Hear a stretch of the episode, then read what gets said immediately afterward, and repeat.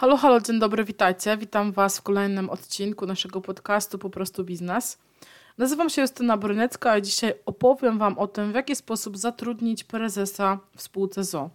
Pomimo tego, że spółki ZO są coraz bardziej popularnym tematem, to nadal macie wiele pytań odnośnie tego, jak to zrobić, jak wypłacić wynagrodzenia, a czy można zatrudnić na umowę pracę, czy się opłaca umowę o dzieło e, i tak dalej.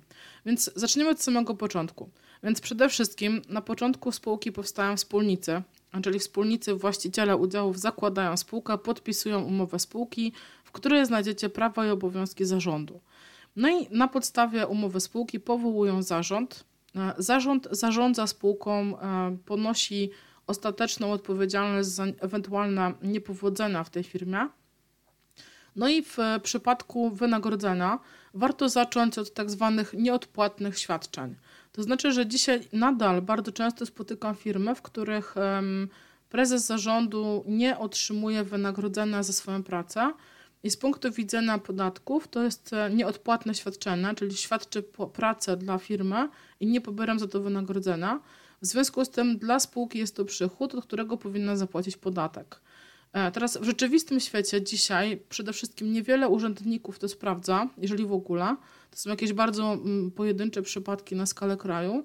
Natomiast no, zdarza się, że to sprawdzają. Z drugiej strony niewiele księgowych czy biur rachunkowych rozlicza to w taki sposób, czy też sygnalizuje, że tak to powinno być rozliczane. Natomiast dzisiaj e, tematem naszego podcastu jest informacja o tym, jak zatrudnić prezesa zarządu. Więc oczywiście pierwsze, co możecie zrobić, to jest najprostsza opcja, taka najbardziej oczywista, umowa o pracę. Czyli prezes zarządu ma w umowie o pracę stanowisko prezes zarządu. E, otrzymuje za to wynagrodzenia. Jak już wiecie, wynagrodzenie z tytułu umowy o pracę jest dosyć mało opłacalne. Potem mamy i wysoki podatek, i mamy też e, składki ZUS, które zżerają nam sporą część wynagrodzenia. E, natomiast no można, tak jest to jako jedna z możliwości, która pozwala na zatrudnienie człowieka. Przy czym pamiętajcie również, że przy umowie o pracę macie obowiązek płatnego urlopu, zwolnienia, mnóstwo obowiązków administracyjnych, typu prowadzenie list płac, badania BHP, teczki osobowe, ewidencja czasu pracy i wiele, wiele innych mało wygodnych dokumentów. Dlatego e, dzisiaj wiele firm w taki sposób nie chce pracować z członkami zarządu. E, druga możliwość to jest umowa zlecenia. W sensie ekonomicznym e, ona będzie bardzo podobna do umowy o pracę, bo tam też właściwie w każdym przypadku z bardzo drobnymi wyjątkami mamy pełny ZUS.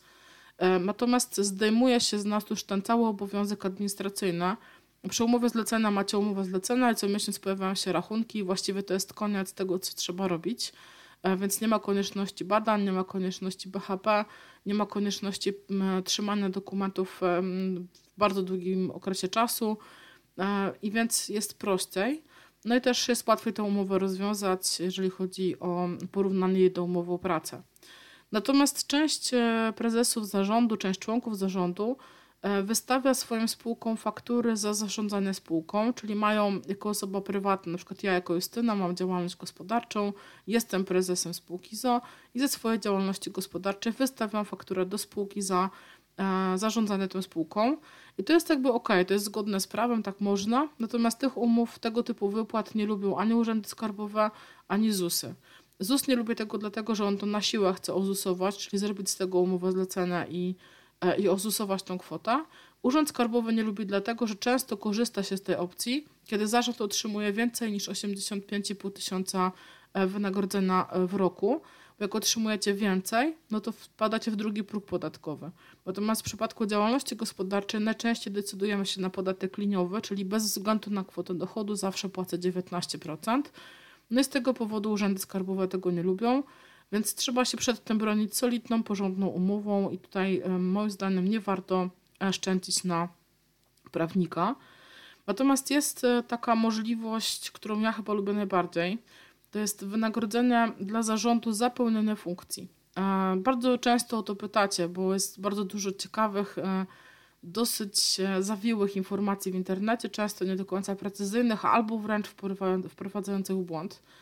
Wynagrodzenie za pełnienie funkcji to jest po prostu wynagrodzenie wynikające z uchwały wspólników.